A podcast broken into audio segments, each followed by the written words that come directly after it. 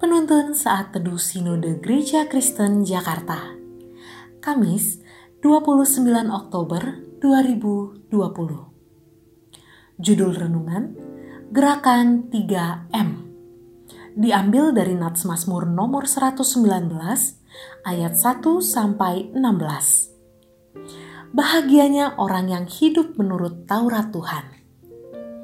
Berbahagialah orang-orang yang hidupnya tidak bercela, yang hidup menurut Taurat Tuhan. Berbahagialah orang-orang yang memegang peringatan-peringatannya, yang mencari Dia dengan segenap hati, yang juga tidak melakukan kejahatan, tetapi yang hidup menurut jalan-jalan yang ditunjukkannya. Engkau sendiri telah menyampaikan titah-titahmu supaya dipegang dengan sungguh-sungguh. Sekiranya hidupku tentu untuk berpegang pada ketetapanmu maka aku tidak akan mendapat malu apabila aku mengamat-amati segala perintahmu. Aku akan bersyukur kepadamu dengan hati jujur apabila aku belajar hukum-hukummu yang adil. Aku akan berpegang pada ketetapan-ketetapanmu, janganlah tinggalkan aku sama sekali.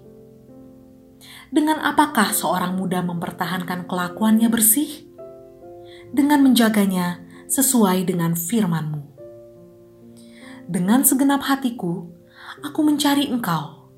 Janganlah biarkan aku menyimpang dari perintah-perintah-Mu. Dalam hatiku aku menyimpan janjimu, supaya aku jangan berdosa terhadap Engkau. Terpujilah Engkau ya Tuhan, ajarkanlah ketetapan-ketetapanmu kepadaku. Dengan bibirku, aku menceritakan segala hukum yang kau ucapkan. Atas petunjuk peringatan-peringatanmu, aku bergembira seperti atas segala harta.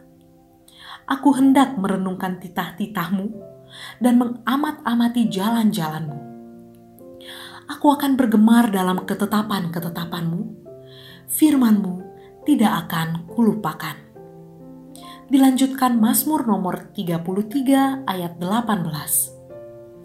Sesungguhnya, mata Tuhan tertuju kepada mereka yang takut akan Dia, kepada mereka yang berharap akan kasih setianya, dalam rangka mencegah penyebaran penyakit DBD, demam berdarah dengue, Kementerian Kesehatan mencanangkan gerakan 3M, yang merupakan singkatan dari menguras, menutup, mengubur.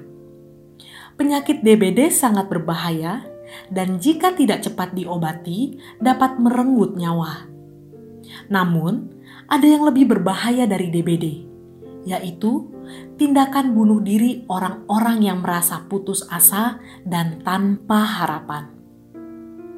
Berdasarkan WHO Global Health Estimates, estimasi kematian akibat bunuh diri di seluruh dunia adalah satu kematian tiap 40 detik bagaimana mencegah keputusasaan dan hilangnya harapan? Nas hari ini mengajak kita untuk melakukan gerakan 3M.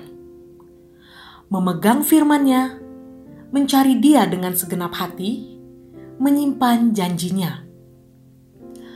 Orang yang memegang firman Tuhan dan mencari Tuhan dengan segenap hati akan berbahagia firman Tuhan menolong kita untuk menjaga kelakuan yang bersih di tengah dunia yang cemar.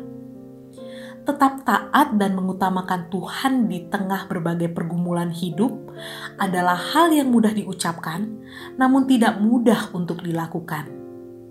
Maka, pemazmur memohon, "Janganlah biarkan aku menyimpang dari perintah-perintahmu." Pemazmur membutuhkan pertolongan Tuhan untuk hidup dalam ketaatan, dan ia bertekad untuk menyimpan janji Tuhan di dalam hatinya agar ia tidak berdosa di hadapan Tuhan.